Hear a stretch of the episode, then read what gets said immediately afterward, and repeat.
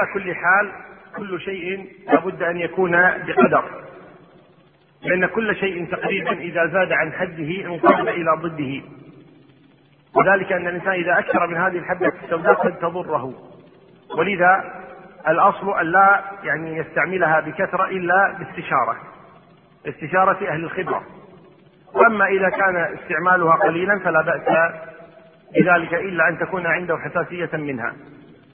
الشاهد أن الحبة السوداء كما قال النبي صلى الله عليه وآله وسلم وهو أصدق من كل أحد صلى الله عليه وآله وسلم قال صلوات الله وسلامه عليه الحبة السوداء شفاء من كل داء.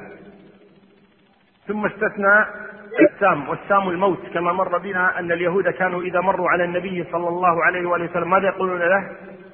السام عليك يعني الموت عليك. النبي صلى الله عليه وسلم يقول إلا السام يعني إلا مرض الموت. المقصود بالسام مرض الموت. ولكن لما كان هذا المرض يؤدي إلى الموت سمي باسمه. هذا المرض لما كان يؤدي إلى الموت سمي بالموت.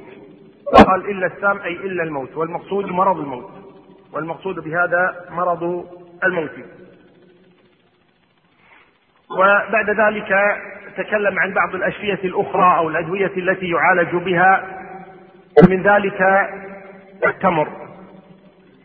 وقال الإمام القاضي عياض باب من تصبح بتمر عجوة لم يضره سم ولا سحر. ذكر حديثين. حديث سعد وحديث عائشة. أما حديث سعد ففيه أن النبي صلى الله عليه وسلم قال من تصبح بسبع ثمرات عجوة لم يضره ذلك اليوم سم ولا سحر. وفي حديث عائشة أن النبي صلى الله عليه وسلم خص تمر عجوة العالية أنه شفاء. وأنه ترياق. ترياق يعني دواء الدواء الذي يعالج به. قال أول البكرة يعني أول ما تخرج. وتمر عجوة. جاءت فيه روايات تدل على فضله.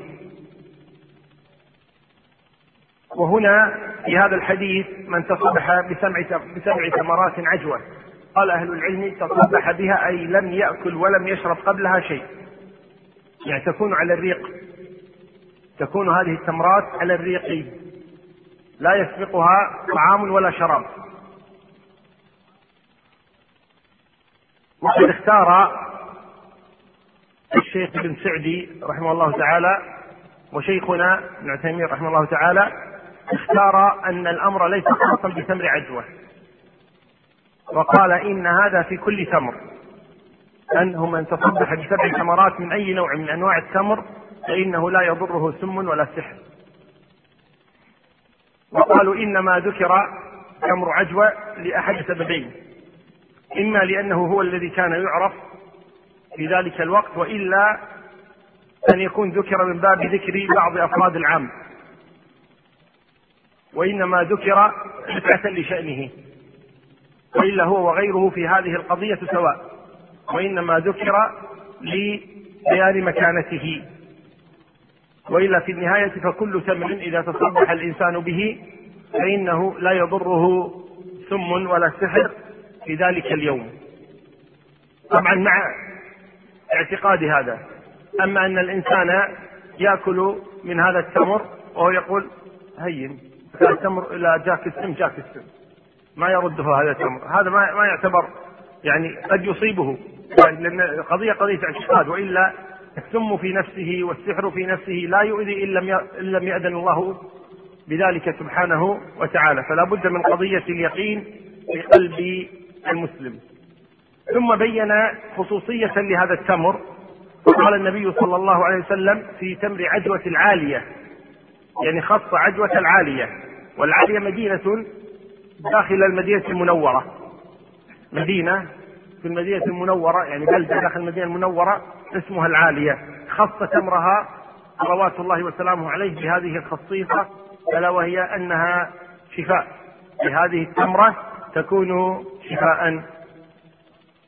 ثم ذكر باب الكمأة من المن وماؤها شفاء للعين. قول النبي صلى الله عليه وسلم الكمأة من المن الذي أنزله الله عز وجل على موسى.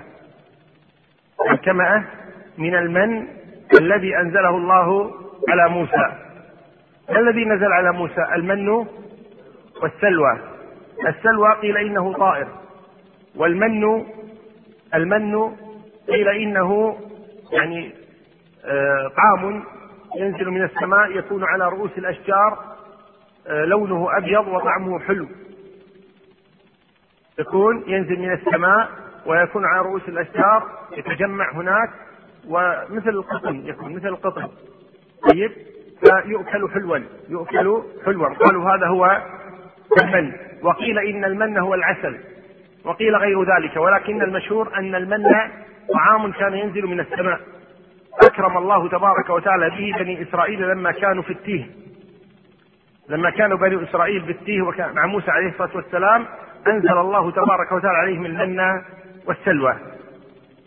هنا يقول النبي صلى الله عليه وسلم أن الكمأة التي هي ما نسميه الآن بالفقع الكمأة التي تخرج من الأرض هذه دون عمل للإنسان قال النبي صلى الله عليه وسلم إنها من المن. معنى قوله صلوات الله وسلامه إنها من المن فلأهل العلم في هذا ثلاثة أقوال. القول الأول إنها من المن أي إنها من فضل الله أي من نعم الله التي لا تعد ولا تحصى. إنها من نعم الله التي لا تعد ولا تحصى. القول الثاني إنها من المن أي من المن الذي نزل على بني إسرائيل فتكون نوعا من الطعام الذي خص به بنو إسرائيل في ذلك الزمان.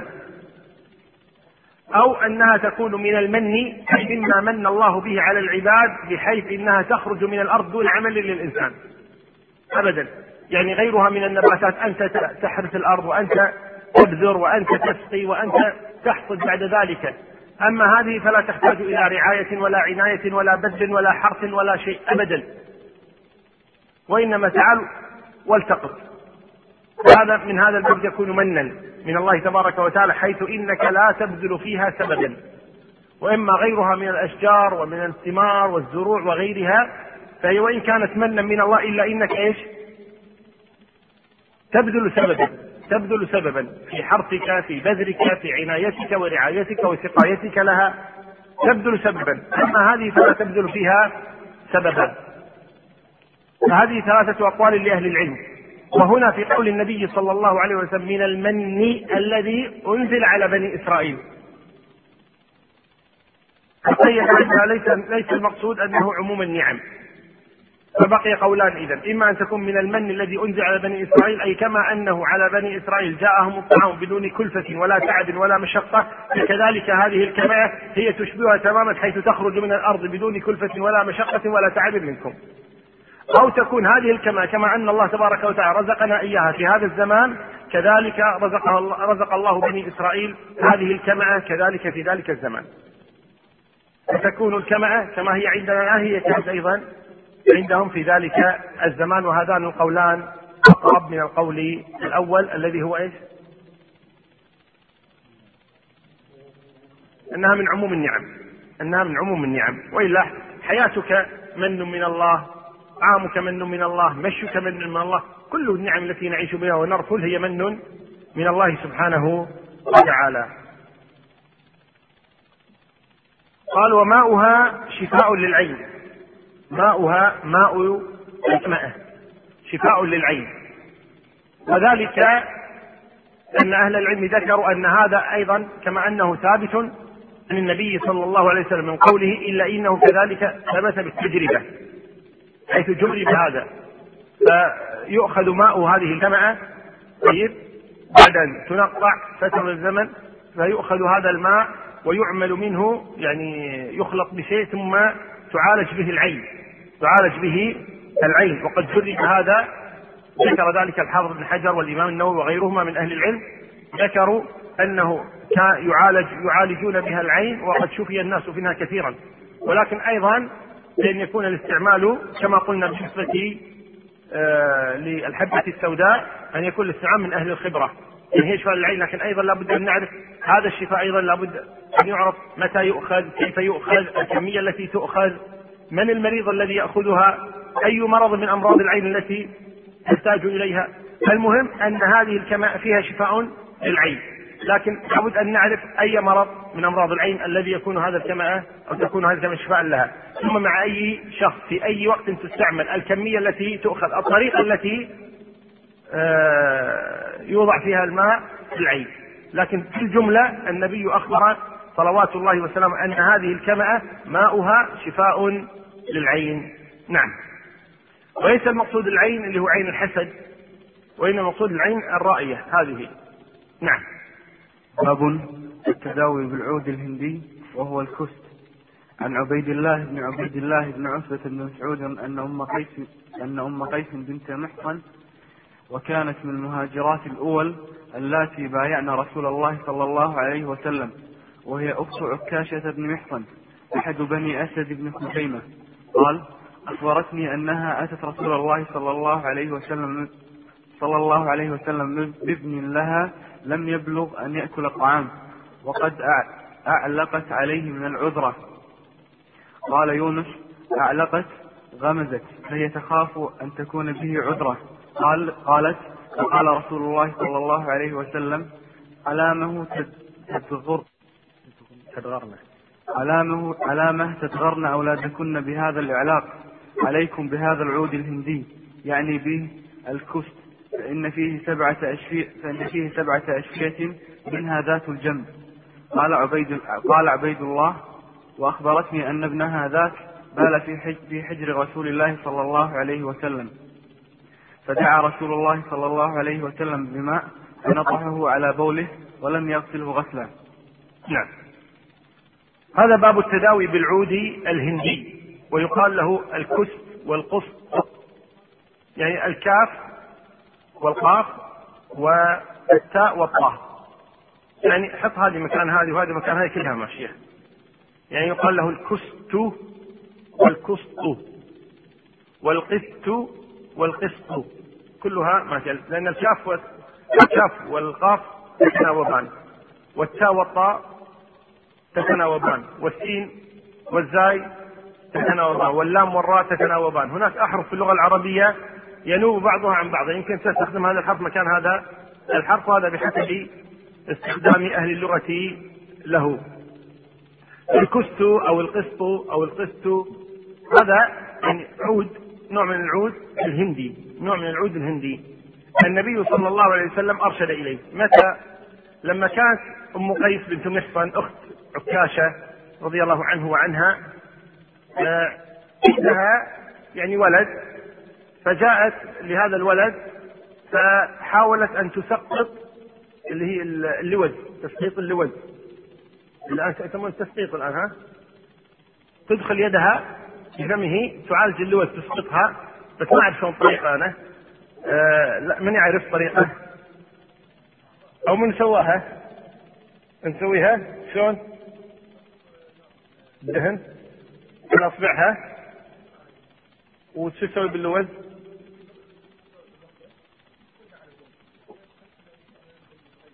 إيه. إيه. يعني عرفت الطريقة الآن؟ يقول تدخل اصبعها داخل الفم زين إلى اللوز وتضربها بقوة ليس تكون اللوز يعني وارمة أو شيء تضربها حتى تسقط ما فيها من القي. كنوع من علاج اللوز تسقيط يسمونه تسقيط يعني إخراج ما فيها من الأوساخ أو الأذى. فكانوا يستخدمون هذا إلى إلى وقت قريب كان يستخدم هذا الأمر. فهذه أم قيس بنت محصن جاءت لولدها فغمزت اللوز خشية العذرة وهي مرض مرض يصيب في أي الفم على جنب يصيب الفم مرض فخوفا من هذا المرض فعلت هذا الأمر. فلما بلغ النبي صلى الله عليه وسلم ذلك أنكر ذلك. وقال على ما تدغرن أولادهن؟ يعني هذا صحيح قد يكون فيها يعني منفعة الآن لكن قد يكون فيها أيضا أثر إيش؟ سيء هذا الصديد مثلا أو الأوساخ قد يبلعها وقد تسبب له أمراضا أخرى وقد لا يكون هذا العلاج. والآن أظن منع هذا الأمر وهذه الطريقة التي هي نوع من العلاج الشعبي نوع من العلاج الشعبي الذي يستعمله الناس. ثم أرشد النبي صلى الله عليه وسلم إلى البديل. وهذا كثير في الشرع أنه إذا نهى عن شيء أعطاك بديله. وهكذا يجب علينا إذا تعاملنا مع الناس. إذا نهيناهم عن شيء لابد أن نعطيهم إيش؟ البديل المناسب. وهنا النبي صلى الله عليه وسلم لما نهاها عن الطريقة هذه وهي أن تعلق اللوز وتزيلها بيدها نهى عن ذلك صلوات الله وسلامه ثم أرشدها إلى البديل فقال عليك بالقسط الهندي أو عفوا العود الهندي اللي هو الكسط أو القسط كما قلنا في اسمه قال فإن فيه سبعة أشفية. هذا الإخبار النبي ليس بطبيب. صلوات الله وسلامه لكنه يوحى يوحي إليه من معلم الأطباء الطب سبحانه وتعالى. ولذلك أبو بكر الصديق لما مرض قال ألا ندعو لك الطيب قال إن الطبيب قد رآني يعني الله تبارك وتعالى. فكل علم يعلمه الأطباء هو من عند من؟ من عند الله سبحانه وتعالى. فهذا الوحي الذي ينزل على النبي صلى الله عليه وسلم شك أنه أفضل من طب الأطباء كلهم ومقدم على طبهم كله لأن طبهم مبني على التجارب وهذا الطب طب النبي صلى الله عليه وسلم مبني على الوحي من الله تبارك وتعالى الذي لا ينطق عن الهوى. والقصد إذا أن ما ذكر النبي صلى الله عليه وسلم من الأدوية النافعة بالعلاجات بشرط أن يثبت ذلك بالسند الصحيح إلى النبي صلى الله عليه وسلم ويؤخذ بالطريقة التي أرشد إليها إن كان أرشد إلى طريقة فلا شك أنه مقدم على قول غيره من الناس. حتى لو قال بعضهم مثلا إن هذا الدواء قد لا يصلح لهذه القضية مثلا يقول لا يصلح. إذا أخبر النبي بذلك لكن أنتم لم تصلوا إلى هذا العلم أو أنه استخدم استخداما خطأ أو بطريقة خطأ أو بكمية خطأ أو لشخص خطأ وهكذا. فالشاهد أن النبي صلى الله عليه وسلم قال عن العود الهندي الذي هو الكست أو القسط قال فيه سبعة أشفية. وقد ذكر أهل العلم أن العدد هنا لا عبرة به. لا عبرة بالعدد. وإنما ذكر هذا من باب المثال وإلا قد تكون الأشفية إيش؟ أكثر من سبعة. أكثر من سبعة. أو قد يكون هو أوحى إلى نبيه سبعة ويكون فيها إيش؟ أشياء أخرى لم يوحي له فيها لأن النبي ما جاء طبيبا للأمراض العضوية وإنما جاء طبيبا للقلوب.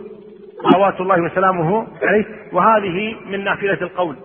أي هذه الأمور من نافلة القول التي يبينها النبي صلى الله عليه وسلم وإنما جاء بالوحي من عند الله تبارك وتعالى لإصلاح قلوب العباد. فذكر أهل العلم من هذه أو ذكر النبي الشفاعين من هذه الأشفية أو من هذه العلاجات. فقال صلى الله عليه وسلم يسعط من العذرة. يعني في هذه القضية التي آه، ذكرت أنه أرشد هنا في هذه القضية. يعني يسعط من العذرة إذا كان هناك العذرة وهي الخوف من مرض الذي يصيب الفم اعطوه سعوطا عبارة عن هذه أو هذا العود الهندي. والسعوط هو الذي يدق حتى يصير ناعما ثم يستنشق بالأنف. السعوط هو الذي يستنشق بالأنف والوجور هو الذي يبلع في الفم. يكون عن طريق الفم يقال له وجور والذي يكون عن طريق الأنف يقال له سعوط وقال النبي صلى الله عليه وسلم يسعط من الأنف. يعني اللي هو العود الهندي. يسعط من العذرة. قال ويلد من ذات الجنب. أيضا يستخدم بذات الجنب. وهو مرض يصيب الجنب. فأخبر النبي صلى الله عليه وسلم أنه يمكن أن يستخدم هذا العود كذلك لهذا المرض. وذكر أهل العلم أمراضا أخرى يمكن أن يعالج بها هذا العود الهندي كأنه, يعني قالوا أنه يدر البول يدر البول وقالوا يعالج السموم ويقتل الدود في الجسد. وذكروا أكثر من سبعة ذكروا أكثر من أربعة عشر. ابن سينا يذكر عنه ذكر أكثر من أربعة عشر علاج للعود الهندي. يعني هذا في فيما كانوا يعرفون قد يكون الآن أكثر أو قد يكون أقل الله أعلم. لكن قصد الذي نريد أن نصل إليه أن النبي صلى الله عليه وسلم لما ذكر سبعة ليس العدد مقصودا بذاته وإنما هذا من باب يعني ذكر بعض أنواعه أو أجزائه. حتى إن النبي صلى الله عليه وسلم قال يشفي من سبعة ذكر مثالين فقط. ذكر مثالين فقط صلوات الله وسلامه عليه. أحدهما ما يخص هذا الحديث وهي القصة التي وقعت لأم قيس بنت محصن. نعم. باب التداوي باللدود عن عائشة رضي الله عنها قالت وجدنا رسول الله صلى الله عليه وسلم في مرضه فأشار أن لا تلدوني فقلنا كراهية المريض بالدواء فلما أفاق قال لا يبقى أحد منكم إلا لده غير العب غير العباس فإنه لم يش فإنه لم يشهدكم. نعم. في هذا الحديث تداوي باللدود. اللدود هو الآن يعني المريض لما يكون المريض يعني نائما تعبا فهذا دواء يضعونه في فمه على جنب يوضع في الفم رغما عن المريض. فالنبي صلى الله عليه وسلم قال له نلدك يعني نعطيك الدواء لأن رأوا حالته الصحية فقال نلدك أن نعطيك الدواء في فمك. الحين تقول للطير أو الطفل نغره ما تغره يعني إيش؟ تضع الطعام في فمه تضع الطعام في فاللد هو وضع الدواء في الفم. وضع الدواء في الفم رغما عن المريض. فقال للنبي صلى الله عليه وسلم نلدك أي نضع الدواء في فمك النبي ما كان يستطيع أن يتكلم صلى الله عليه وسلم لشدة المرض. فأشار إليهم لا. فهم تأولوا قالوا كراهية المريض للدواء. يعني الأصل أن المريض إيش؟ لا يحب الدواء. قالوا نعم إشارته بلا يعني كراهية لكن نلده لأن هذا فيه مصلحة لأن هذا علاجه. لكن المريض طبيعي أنه لا يحب الدواء. فجاءوا ولدوه لكن ما كان عنده من القوة لمرضه أنه يمنعهم. صلوات الله وسلامه. فلدوه صلوات الله وسلامه إما لدوه وهو في وعيه وإما لدوه بعد أن غاب عنه الوعي لشدة المرض صلوات الله وسلامه. فلما أفاق وإذا قد لدوه صلى الله عليه وسلم وغضب عليهم. ألست نهيتكم عن هذا؟ قالوا قلنا يا رسول الله كراهية المريض للدواء. يعني ظننا أنك قلت لا لأن المريض في العادة يكره الدواء ولهذا قلت لا لكن نحن يعني أردنا مصلحتك في هذا. فخش كلكم تلدون الآن. كلكم. اللي حاضر سواء اللي لد ولا اللي ساكت وراضي. واضح؟ قال كل من في البيت الآن يلد. يلا اشربوا دوا غصب عليكم. فأمر بهم فلدوا جميعا.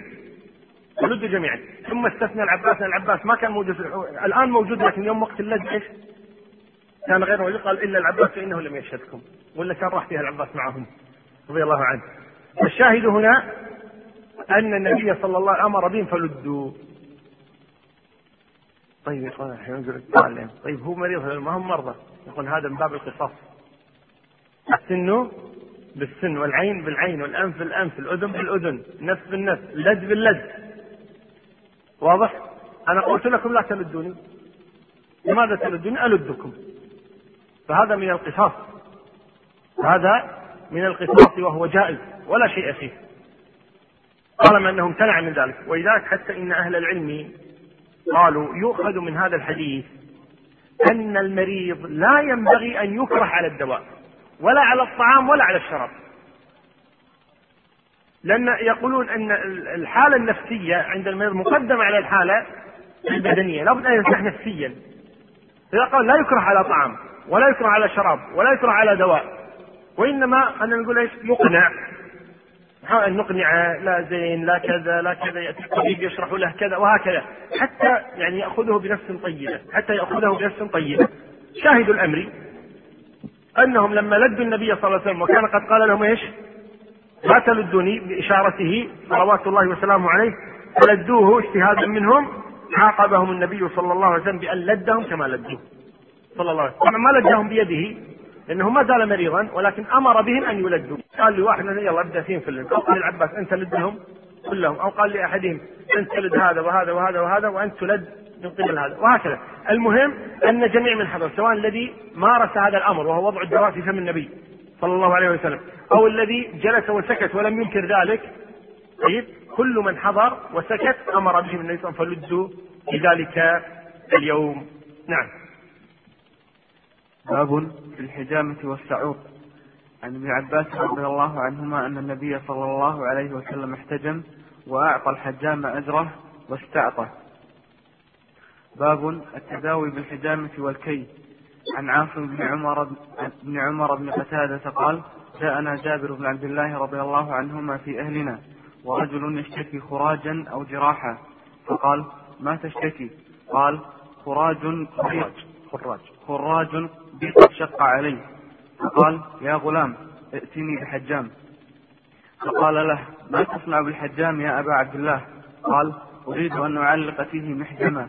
قال والله إن الذباب ليصيبني أو يصيبني الثوب فيؤذيني ويشق علي. فلما رأى تبر تبرمه من ذلك قال إني سمعت رسول الله صلى الله عليه وسلم يقول إن كان إن كان في شيء من أدويتكم خير ففي شرط ففي شرطة محجم أو شربة عسل أو لذعة بنار.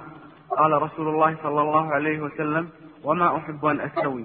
قال فجاء بحجام فشرطه فذهب عنه ما يجب عن جابر أن أم سلمة رضي الله عنها استأذنت رسول الله صلى الله عليه وسلم في الحجامة فأمر النبي صلى الله عليه وسلم أبا طيبة أن يحجمها.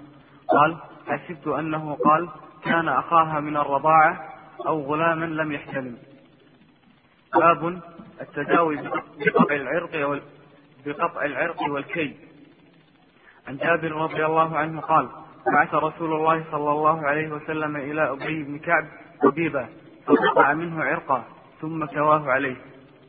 باب التداوي للجراح بالكي.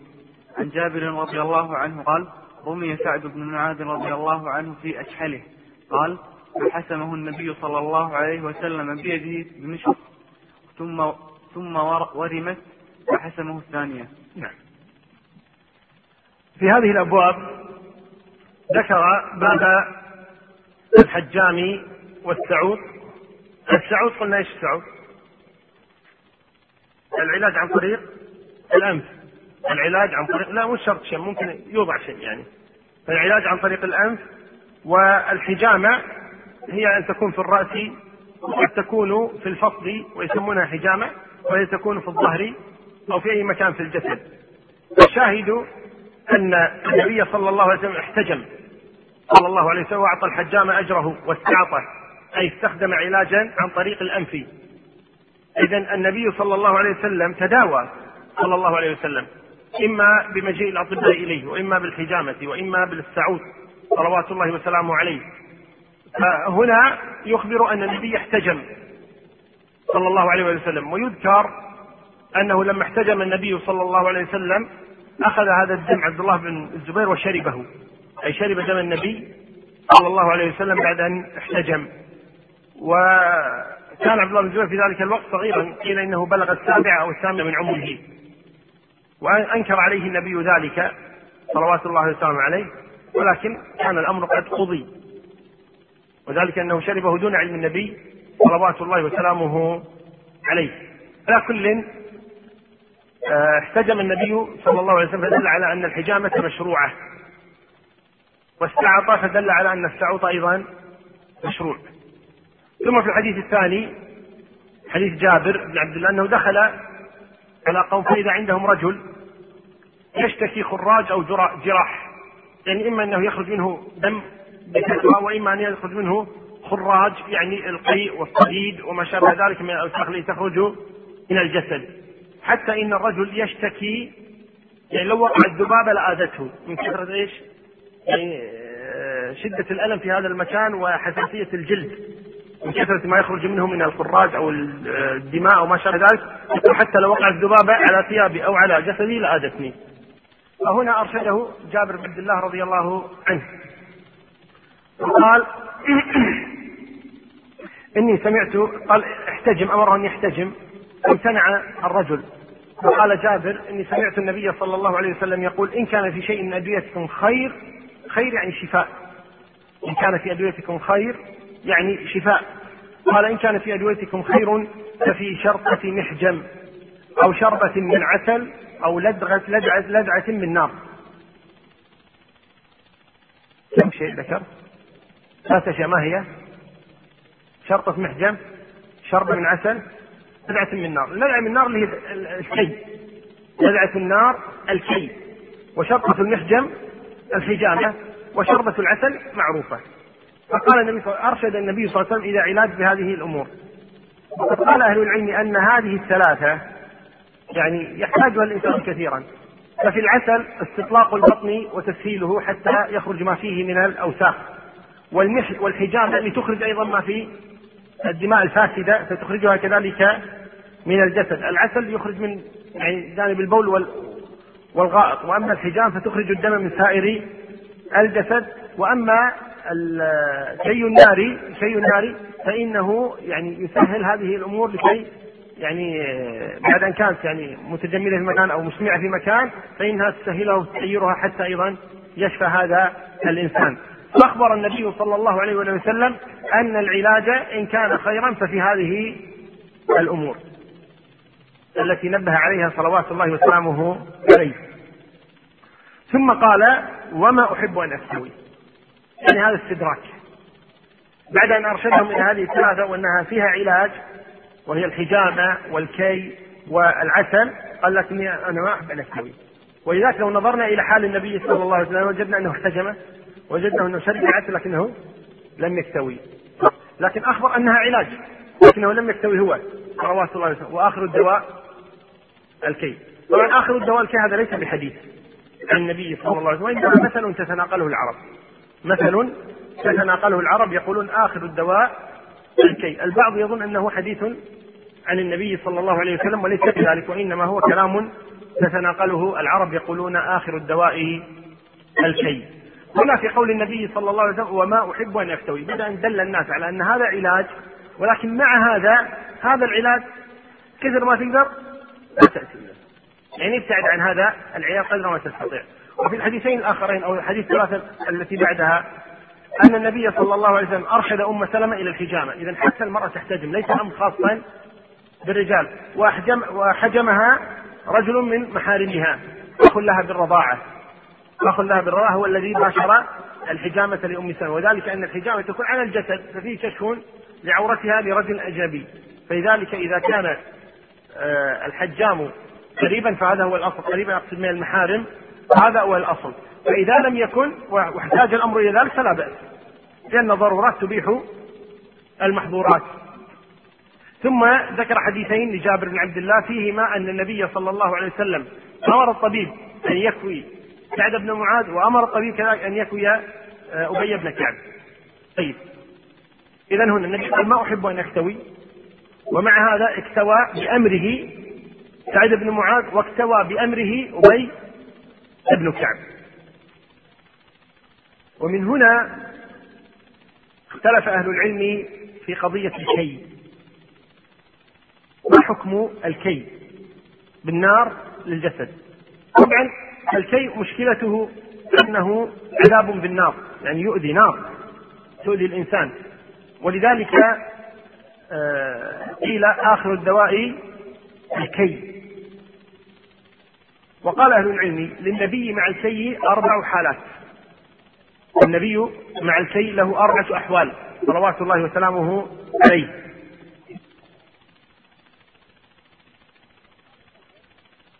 الحال الأول أنه صلوات الله وسلامه عليه سوى أمر بالكي كما استوى بأمره أبي بن كعب واستوى بأمره من؟ سعد بن معاذ. ثم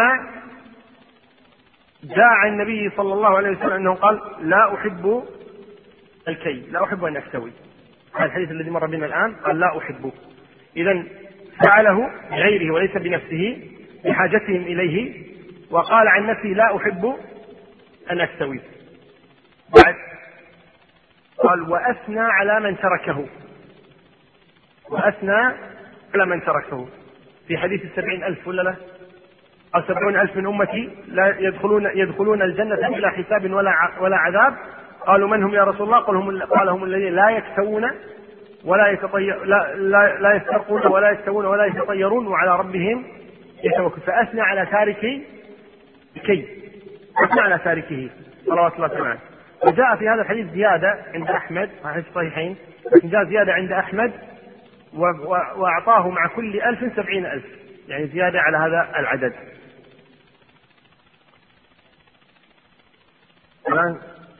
قلنا كم واحدة الآن؟ ثلاث ما هي؟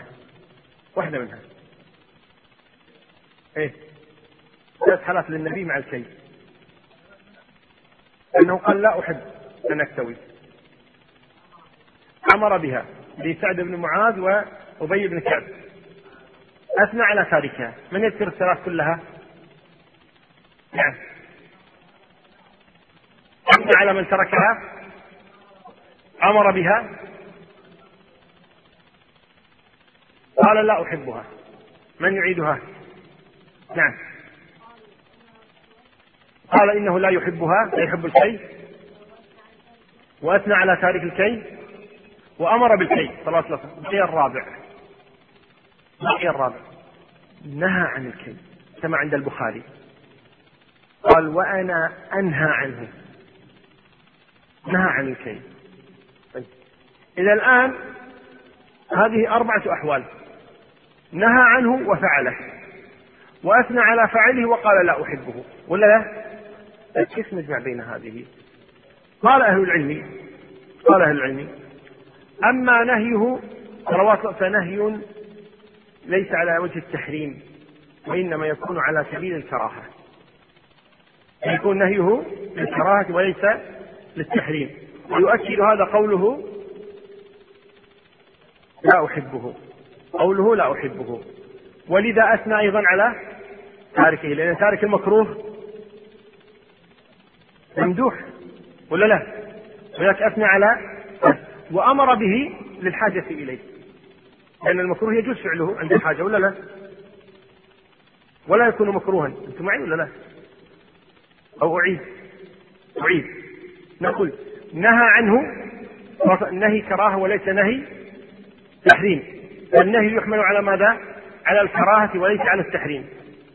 طيب قوله لا أحب هذا يؤكد أن النهي للكراهة أو للتحريم هو يؤكد النهي.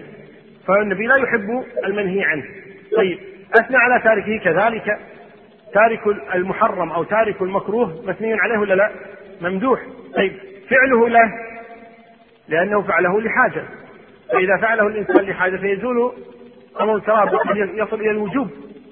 أن يصل إلى الوجوب إذا كان يشفي الضرورة. إذا كان يخشى عليه من الموت فإنه قد يصل الأمر إلى الوجوب. فلذلك النبي صلى الله عليه وسلم فعله. ما يقتص الآن. مشكلة يعني عندنا. من يحاول يحل لنا هذه المشكلة الآن. سعد بن معاذ من يعرف فضله؟ سعد بن معاذ.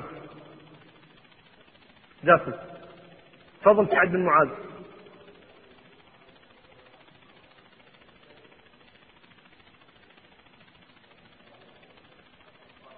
يعني لما ذكر الكلام الطيب للنبي صلى الله عليه وسلم وسعد النبي بذلك ها؟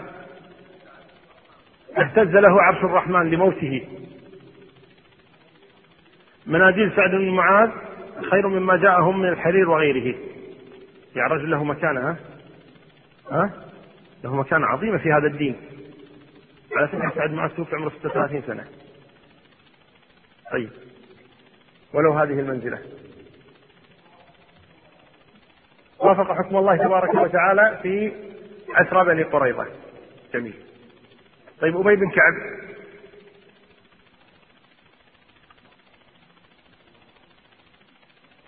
من القراء المتميزين. حتى إن النبي قال ليهنك العلم أبا المنذر. وجاء في الحديث أقرأكم أبي. ولما أخطأ النبي بالقراءة مرة طيب وقال له يا رسول الله نسخت أم أنسيت؟ فقال لا نسخت قال بل نسخت قال أفيكم أبي. يعني قدمه على غيره في السؤال. يدل على يعني تصدر هذا الرجل في العلم ولا لا؟ عمران بن إنه كتواه كان صحيح. أنس بن مالك عند البخاري كتواه القرطبي وضع هذا الإشكال. قال هل يمكن أن هؤلاء لا يكونوا من السبعين ألف؟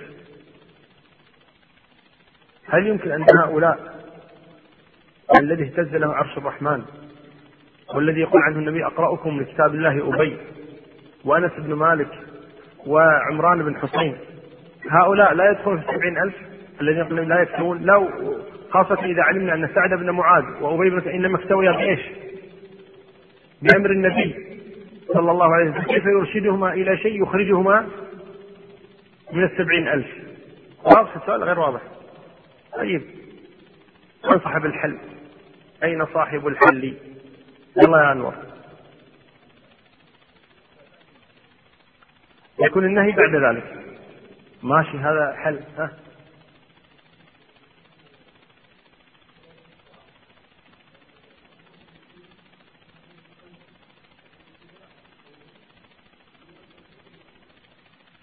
طيب يعني أقصد الآن هل خرج من السبعين ألف أو لم يخرج؟ أو هؤلاء الأربعة خلينا نقول.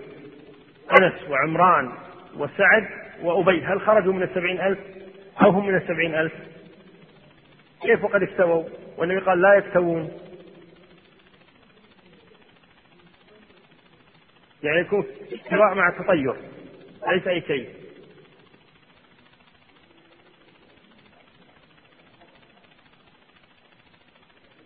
يعني قصدك أنت السبعين ألف الذي هو يطلب الكي.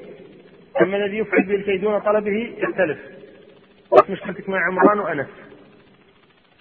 طيب. نعم.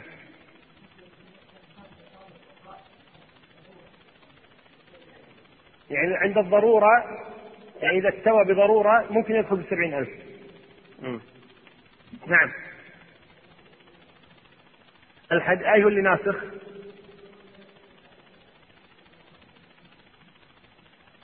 ما في تعارض هذا تعارض. هو التعارض مثل القضية أنه يقول يعني هؤلاء خرجوا من السبعين ألف عندما يقول أن السبعين ألف لا يستوون وهؤلاء استووا الأربعة فهل توافق أنت أنهم يخرجون من السبعين ألف أو لا توافق ابتداء؟ لا توافق يعني تقول ممكن أن يكونوا من السبعين ألف طيب شلون استووا؟ إلا أنك تقول كقول أخيك أنك استووا قبل أن ينهى عن الكي هذا هو. عنده جواب آخر؟ نعم. أوه. يقول هؤلاء أحسن من السبعين ألف. ماشي.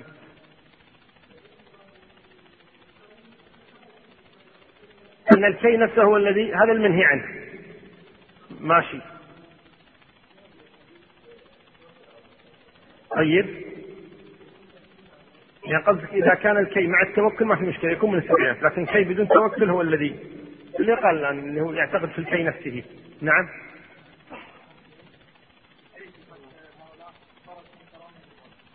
لماذا؟ طيب يعني قصدك أنت إذا كان الكي لحاجة وضرورة يمكن يكون من السبعين ألف. أما اللي يستوي يعني بدون حاجة بس مجرد أنه مو قادر يحصل على المرض هذا الذي لا سبعين ألف. هذا؟ أنا قلتها ها. يعني قصدك من جمع الثلاثة. يعني من كان متطيرا مستويا مسترقيا. استوى يعني طلبت كي ماشي مثل ما قال أخوك. تبيح ما في مشكلة. ترى حتى الكي ترى مباح يعني مو حرام. الكي في حد ذاته لكن يقصد إنه يدخل في السبعين ألف ولا ما يدخل في لكن هو مباح ما في كلام. إحنا ما نتكلم عن الكي مباح ولا غير مباح. لكن نقول هل الذي يكتوي يخرج من السبعين ألف أو لا يخرج؟ هذا الكلام. هؤلاء طيب ما في مشكلة ما يتنافى. يدخل الجنة لكن ما يكون من السبعين ألف يعني هل كل من يدخل الجنة يكون من السبعين ألف؟ معناته اللي في الجنة قليل جدا. في الجنة كثير جدا غير السبعين ألف. خلاص. اثنان بقية. في أحد وراي؟ بيجاوب ولا ما في؟ يلا نسمع آخر اثنين. يوسف في احتمال يكون خارج السرب واحتمال يكون ناس ماشي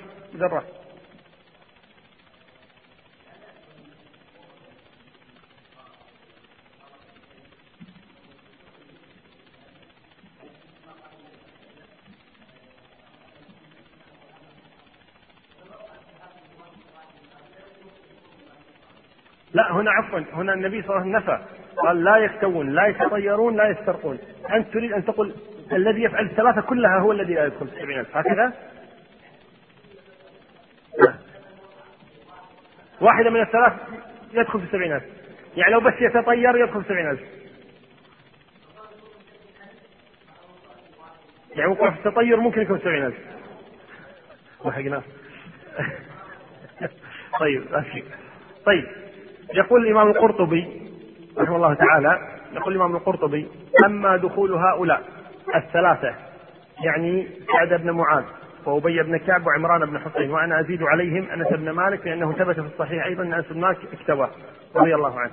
يقول أما دخول هؤلاء الثلاثة السبعين ألف مما لا يغالط فيه أحد نفسه أبدا بل هؤلاء بل هؤلاء من أئمتهم يقول. وأما والقول بخروجهم منهم قول فاسد ظاهر الفساد. ثم قال ويحمل فعلهم هذا على أن الذي يكتوي للضرورة فإنه لا بأس ويكون من السبعين ألفا. وإنما الذي يخرج من السبعين ألف الذي يكتوي لمجرد إيش؟ المرض اليسير أو ما شابه ذلك.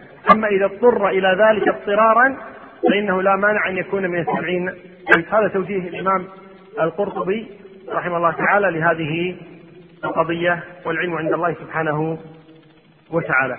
على كل الكي جائز في النهاية. الذي يريد أن أن الكي جائز لكن هل يدخل في العنف أو ما يدخل في العنف هذه هي قضيتنا. نعم.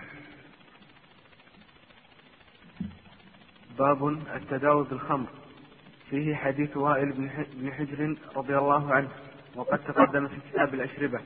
نعم. حديث وائل بن حجر فيه أن طارق بن سويد سأل النبي صلى الله عليه وسلم عن الخمر فنهاه النبي صلى الله عليه وسلم وكره أن يصنعها فقال يا رسول الله نتداوى بها. نتداوى بها. وقال النبي صلى الله عليه وسلم إنها ليست بدواء إنها داء.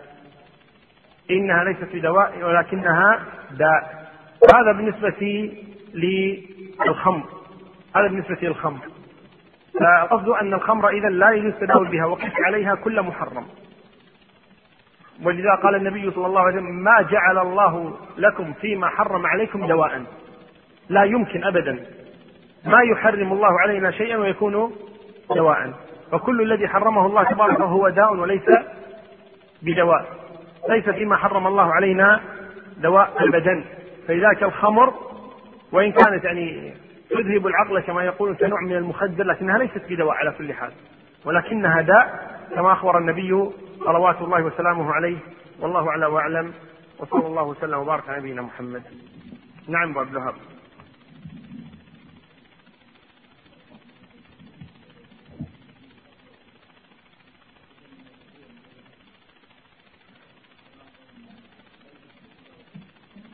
لا إن هنا إذا خلط بغيره ما أصبح محرما إذا خلط بغيره. اختلف الأمر. هو هذا السم طيب إذا أخذ جزء يسير منه ثم خلط طيب بحيث أنه الآن لم, يكن لا يصير سما خلاص تغيرت التركيبة أصلا.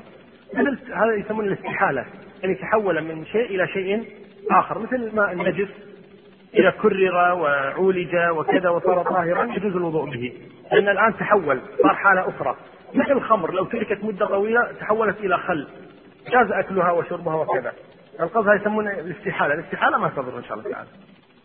طيب نجاوب الأسئلة اللي عندنا يقول إذا كان تمر غير عجوة ذكرنا هذا صحيح أن عجوة وغير عجوة. ما عورة المرأة بالنسبة للمرأة؟ عورة المرأة للمرأة كعورة المرأة بالنسبة لمحارمها. شلون عورة المرأة بالنسبة لأبيها وأخيها وابنها وعمها وخالها وابن أخيها وابن أختها؟ كذلك عورتها مع النساء. يعني ما يخرج عادة.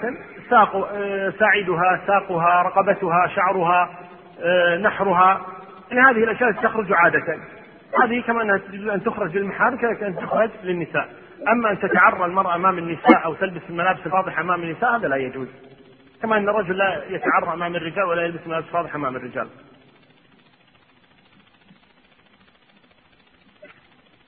هل يجوز التصفيق مع الغناء العادي الذي يسمى الصف في العرس؟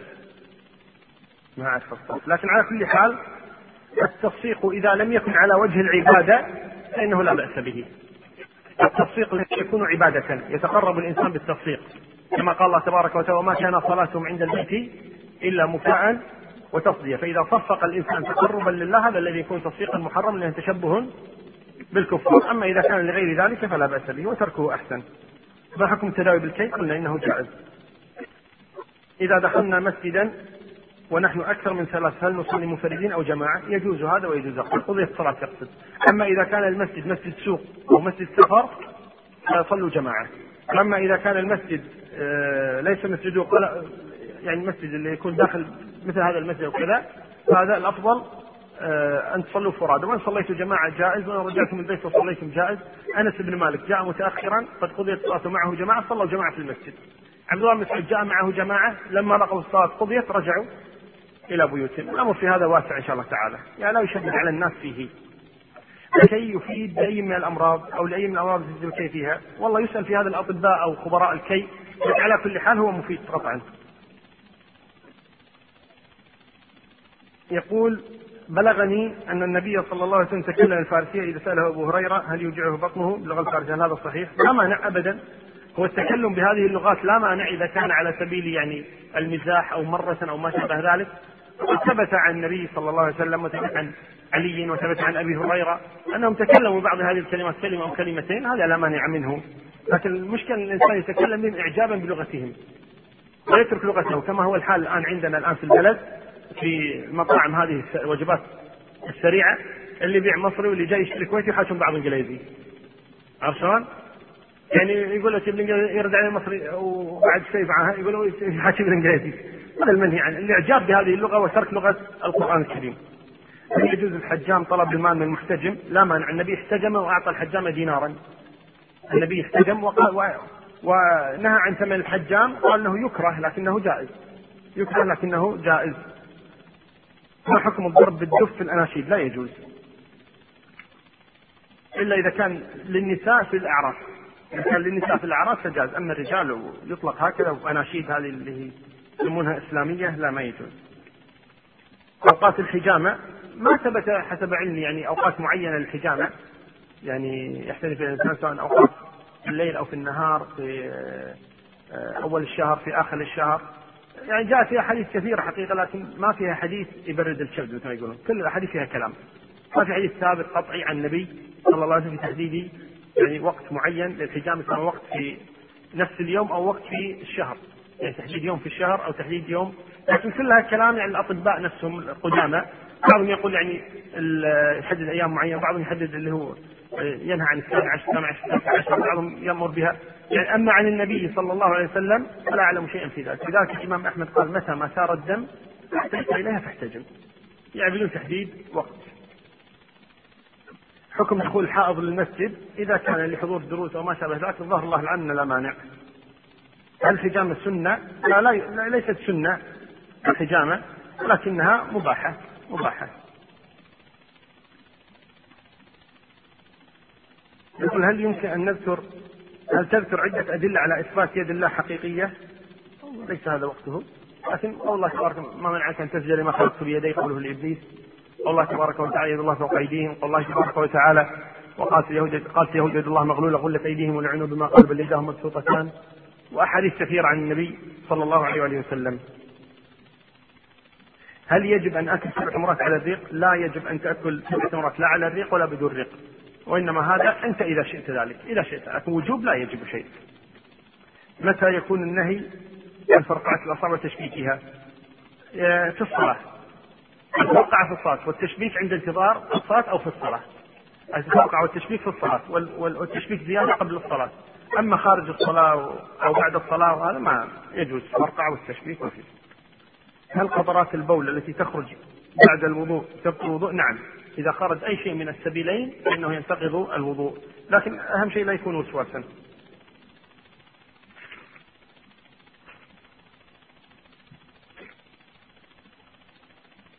ذكرتم جو عدم جواز تفويت صلاة المغرب للطالب حال الامتحان، ألا يجوز له الجمع؟ لا لا يجوز له الجمع وليس ضرورة.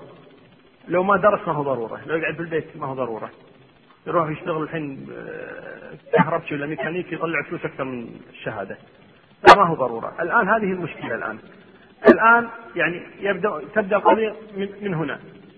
تبدا الآن إن المرأة ودها تشتغل. طيب اشتغلت. بعدين ضرورة إنها ما تقدر تطلع لازم تسوق سيارة. ضرورة طيب الضرورات كلها مبنية على شيء ما هو ضرورة أصلا. فمن قال إن الامتحان أصلا ضرورة ومن قال إن الدراسة أصلا ضرورة حتى يقال إنه يجوز معها ترك الصلاة حتى يخرج وقتها. ما هو ضروري يجوز أن يصلي في مكانه. ما أن يصلي في مكانه. ابدا إذا منع قال ما تأخذ خاص تغش ولا ما تشتري بصلي يعني. لا ما تصلي يقوم يصلي ولا لهم ولا طاعة لمخلوق. في معصيه الخالق يصلي في مكانه وإن منعوه يرفع عليهم قضية. وأنا أنا كفيل بها. ابدا أنا والله كفيل بها. أنا لست محاميا لكن أنا أعرف محامين مستعدين أن يقفون معك في هذه القضية. أبد سوف توكل على الله. أبد وأنا أتكفل بجميع اصول المحاماة. ابد يقوم يصلي هو في مكانه وفي خير خلي يقول ممنوع إنك تصلي. يعني يمكن يعاقبه بتسقيطه كذا لكن يرفع الدكتور قضية ويكسبها إن شاء الله تعالى. لكن شاهد ما تفتح المجال لهذا. إحنا نتساءل في هذا الأمر. كيف؟ ما يرضى. شنو ما يرضى؟ كيف الله ما يرضى سبحانه وتعالى؟ إيش معنى نطيع هذا ولا نطيع الله سبحانه وتعالى؟ والله أعلم وأعلم. وصلى الله وسلم وبارك على نبينا محمد.